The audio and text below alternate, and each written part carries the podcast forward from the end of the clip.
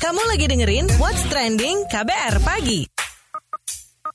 Kita bakal ngobrolin yang kayaknya masih enak aja di diobrolinnya masih hangat, masih em, bakal jadi sorotan. Iya, apalagi kalau bukan em, Kabinet Indonesia Maju yang baru saja dilantik oleh Presiden Joko Widodo, oke? Dan yang menjadi sorotan kita bersama ini adalah soal rangkap jabatan Menteri Joko Widodo. Coba kita dengarkan yang satu ini. Oke, Pak Presiden sudah mengatakan berdasarkan pengalaman sudah bisa membedakan antara tugas di pemerintah dan di Berarti yakin ya Pak ya tidak akan bentrok? Nah, itu tadi pernyataan barusan disampaikan oleh salah seorang menteri yang ada di dalam Kabinet Indonesia Maju, Menteri Koordinator Bidang Perekonomian Erlangga Hartarto. Kalau dengar jawabannya, Pak Menko Perekonomian ini yakin betul jika jabatannya sebagai Ketua Umum Partai Golkar itu nggak bakal mempengaruhi kebijakan yang ia ambil sebagai Menko. Sebelumnya ketika menjabat sebagai Menteri Perindustrian, Erlangga juga nggak mundur dari jabatannya di Partai Golkar. Nah, di dalam Kabinet Indonesia Maju ada tiga menteri yang masih punya jabatan struktural di partai asalnya, termasuk Erlangga. Dua menteri lainnya yaitu Menteri Pertahanan Prabowo Subianto yang juga Ketua Umum Partai Gerindra dan juga PLT Ketua Umum P3 Suharso Mano Arfa. Padahal sedari awal banyak yang mengingatkan perkara rangkap jabatan menteri yang dinilai rawan konflik kepentingan. Misalnya nih ya, pengamat ekonomi ISM Indef Eni Sri Hartanti bilang eh, agar tidak ada konflik kepenting- kepentingan yang menghambat kinerja Kementerian Koordinator, maka siapa pun yang memiliki jabatan di luar kementerian harus mundur. Ini yang akan kita obrolin eh, di What's Trending KBR Pagi kali ini. What's Trending KBR Pagi. Masih di What's Trending KBR pagi dan masih ngobrolin soal rangkap jabatan yang ada di eh, Kabinet Indonesia Maju, ya kan?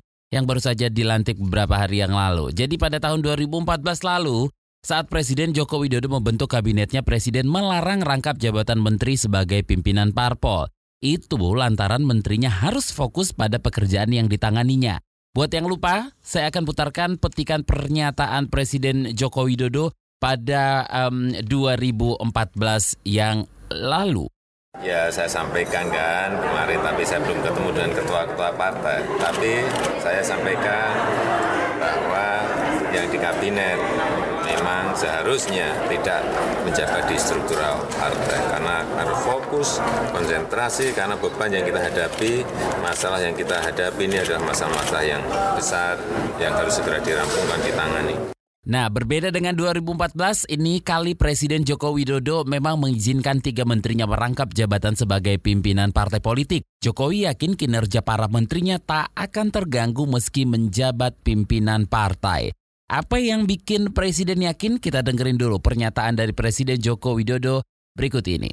Dari pengalaman lima tahun kemarin, baik ketua maupun yang bukan ketua partai, saya melihat yang paling penting adalah bisa membagi waktu dan ternyata juga tidak ada masalah. Dari pengalaman itulah kita memutuskan bahwa baik ketua partai maupun yang ada di struktur partai bisa merangkap. Oke, itu tadi pernyataan Presiden Joko Widodo ya. Meski memperbolehkan rangkap jabatan, Jokowi juga mewajibkan setiap menterinya menaikkan fakta integritas, termasuk memuat pasal tidak tersandung kasus pidana, tidak rangkap jabatan, dan tidak berkewarganegaraan ganda. Oke, jadi itu ada tiga fakta integritas menteri yang harus ditandatangani. Jadi gimana nih kira-kira ya kan? Jadi ada beberapa cuitan yang sudah kita kutip dari at Revolusi. Gimana mau fokus kalau menteri masih ngurusin partainya dan ini akan menjadi pertentangan kepentingan. Kalau mau fokus kerja, fokus. Pilih salah satu saja. At Handris uh, Low 84. Sekalian aja jadi komisaris juga nggak apa-apa pak. Asal nggak malu aja. What's Trending KBR Pagi. Masih bersama Don Brady di What's Trending KBR Pagi. Selamat pagi buat Anda yang baru saja mendengarkan ya. Kalau Anda udah ketinggalan dari awal tadi, Anda bisa mendengarkan kembali What's Trending KBR Pagi di kbrprime.id. Di sana lengkap banget banyak podcast di sana. Termasuk What's Trending ini tinggal cari saja What's Trending atau mungkin di Spotify atau di teman-temannya ya aplikasi podcast lainnya. Silakan cari What's Trending di sana. Anda bisa mendengarkan dari awal lagi apa yang sudah kita perbincangkan pagi ini. Oke. Nah, kali ini saya mau um, ngobrol ya dengan salah seorang pengamat politik. Tapi um, bisa dikatakan kalau apa ya? Ini pada 2014 lalu kita tahu pas Presiden Joko Widodo bilang rangkap jabatan itu akan membuat menteri menjadi tidak fokus bekerja dan saat formasi kabinet kerja diumumkan pada 27 Oktober 2014 beberapa menteri yang memiliki posisi pimpinan partai politik langsung melepaskan jabatan di parpol.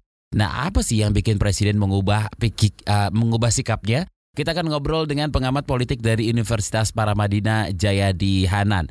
Jokowi kasih uh, masih kasih jalan untuk ketua parpol rangkap jabatan jadi menteri di kabinet baru. Tanggapan Anda nih, Mas? Dia kan pengen lari, melompat, mengejar target-target yang lima prioritas agenda itu. Dan menurut hitung-hitungan saya, dia harus secara cepat mencoba mencapai sebagian besar target itu di tiga tahun pertama. Nah, itu berarti kan memerlukan konsentrasi penuh dan tinggi dari semua menteri yang ada di kabinet sekarang. Pada saat yang sama, kalau partai politik juga kan krusial nih, banyak yang sedang mempersiapkan transisi kepemimpinan. Di satu sisi, Jokowi memerlukan menteri-menterinya betul-betul konsentrasi penuh. Pada saat yang sama, partai-partai juga memerlukan konsentrasi tinggi dan energi penuh untuk melakukan konsolidasi di partai masing-masing. Maka menjadi ketua umum partai atau menjadi menteri itu memerlukan konsentrasi penuh. Jadi tidak bisa dua-duanya akan mengganggu kinerja kabinet. Apalagi orang seperti Pak Erlangga kan Menko Perekonomian. Salah satu prioritas utama, mesin utama gerak kabinet itu nanti kan anu, bagaimana kinerja ekonomi. Dibayangkan kalau misalnya Pak Erlangga sibuk ngurusin partainya, sementara Ibu Sri Mulyani dan menteri-menteri yang lebih muda itu seperti Erick Thohir, Bahlil Lahadalia bukan menteri ya, kepala BKPM, lalu Wisnu Tama, itu kan memerlukan koordinasi terus-menerus secara ketat gitu.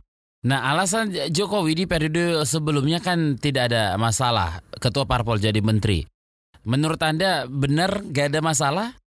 Iya, tergantung Pak Jokowi itu maunya apa. Kalau sekedar menteri yang menjalankan tugas biasa-biasa saja, ya bisa aja. Tapi kan kalau kita dengar dari pidato-pidatonya, termasuk pidato awal pasca pelantikan, kayaknya ambisius banget kan. Ingin meletakkan dasar bagi tahun 2045, itu ambisius banget. Targetnya Indonesia bisa memiliki pendapatan per kapita sekitar 320 juta per tahun. Pendapatan per kapita sekarang di bawah 4 ribu. Itu berarti 22 ribu, itu lebih dari lima kali lipat sekarang. Periode Pak Jokowi kedua harus meletakkan dasar yang kokoh untuk itu kan yang paling menantang jangka pendek reformasi birokrasi. Semua yang diinginkan Pak Jokowi itu nggak akan tercapai kalau reformasi birokrasi nggak jalan. Dan korupsi yang masih merajalela. Jadi kalau Pak Jokowi ingin mencapai itu, dia memerlukan menteri-menteri yang betul-betul fokus bekerja. Oke, tapi uh, Mas Jayadi, analisa Anda, kenapa Jokowi tidak masalah dengan menteri rangkap jabatan? Ya mungkin masih takut soal dukungan politik itu. Itu kemungkinan pertama. Kemungkinan yang kedua, mungkin Pak Jokowi punya agenda agenda politik lebih panjang. Dia kan pernah bilang tidak ada beban di periode kedua. Artinya kan dia bisa fokus pada lima prioritas agenda itu. Kalau dia menganggap menteri yang berasal dari ketua partai akan menghambat, dia tidak tidak pilih kan gitu. Yang kedua, orang mulai curiga apa hubungannya tuh dengan rencana Gibran sama Bobi Nasution untuk jadi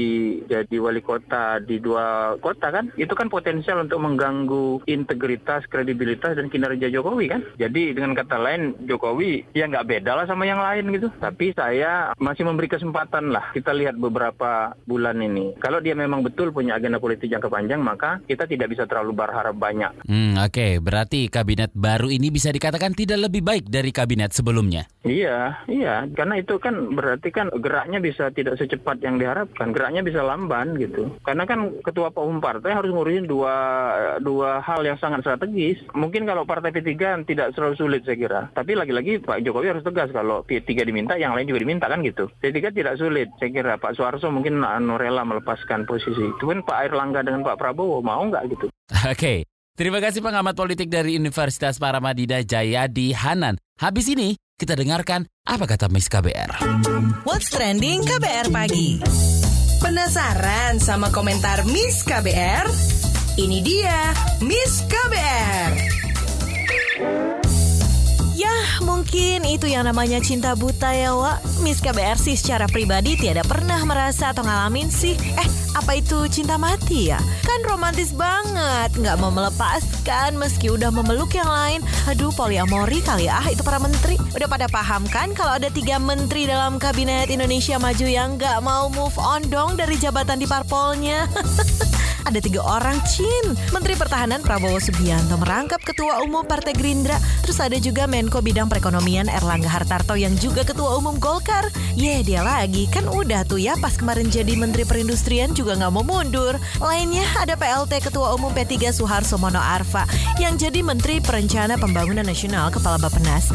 Hmm, Presiden Jokowi emang nggak mempermasalahkan para menterinya rangkap jabatan di parpol. Kalau kata Pak D, yang penting para menterinya itu bisa bagi waktu. Hmm, kayak anak sekolahan deh, bagi waktu main sama ngerjain PR ya, Wak. Anyway, maksudnya Pak Presiden sih bagi waktu antara urusan negara, tugas-tugasnya jadi menteri sama kerjaan dia sebagai ketua partai. Selama lima tahun kemarin, kalau kata Pak Jokowi, nggak ada masalah tuh yang muncul lantaran rangkap jabatan itu.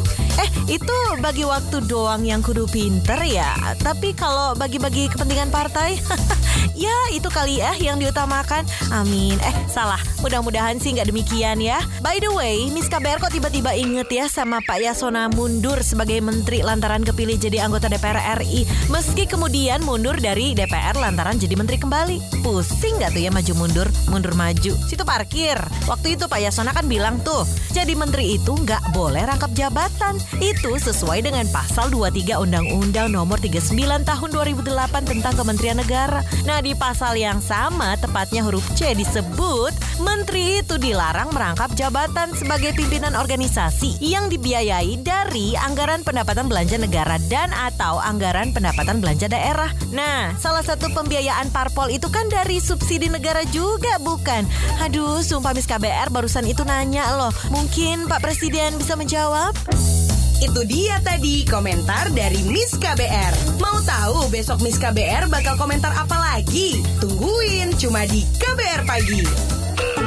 What's Trending KBR Pagi. Saya Don Brady pamit. Besok ketemu lagi ya. Bye-bye. Terima kasih ya sudah dengerin What's Trending KBR Pagi. KBR Prime, cara asik mendengar berita.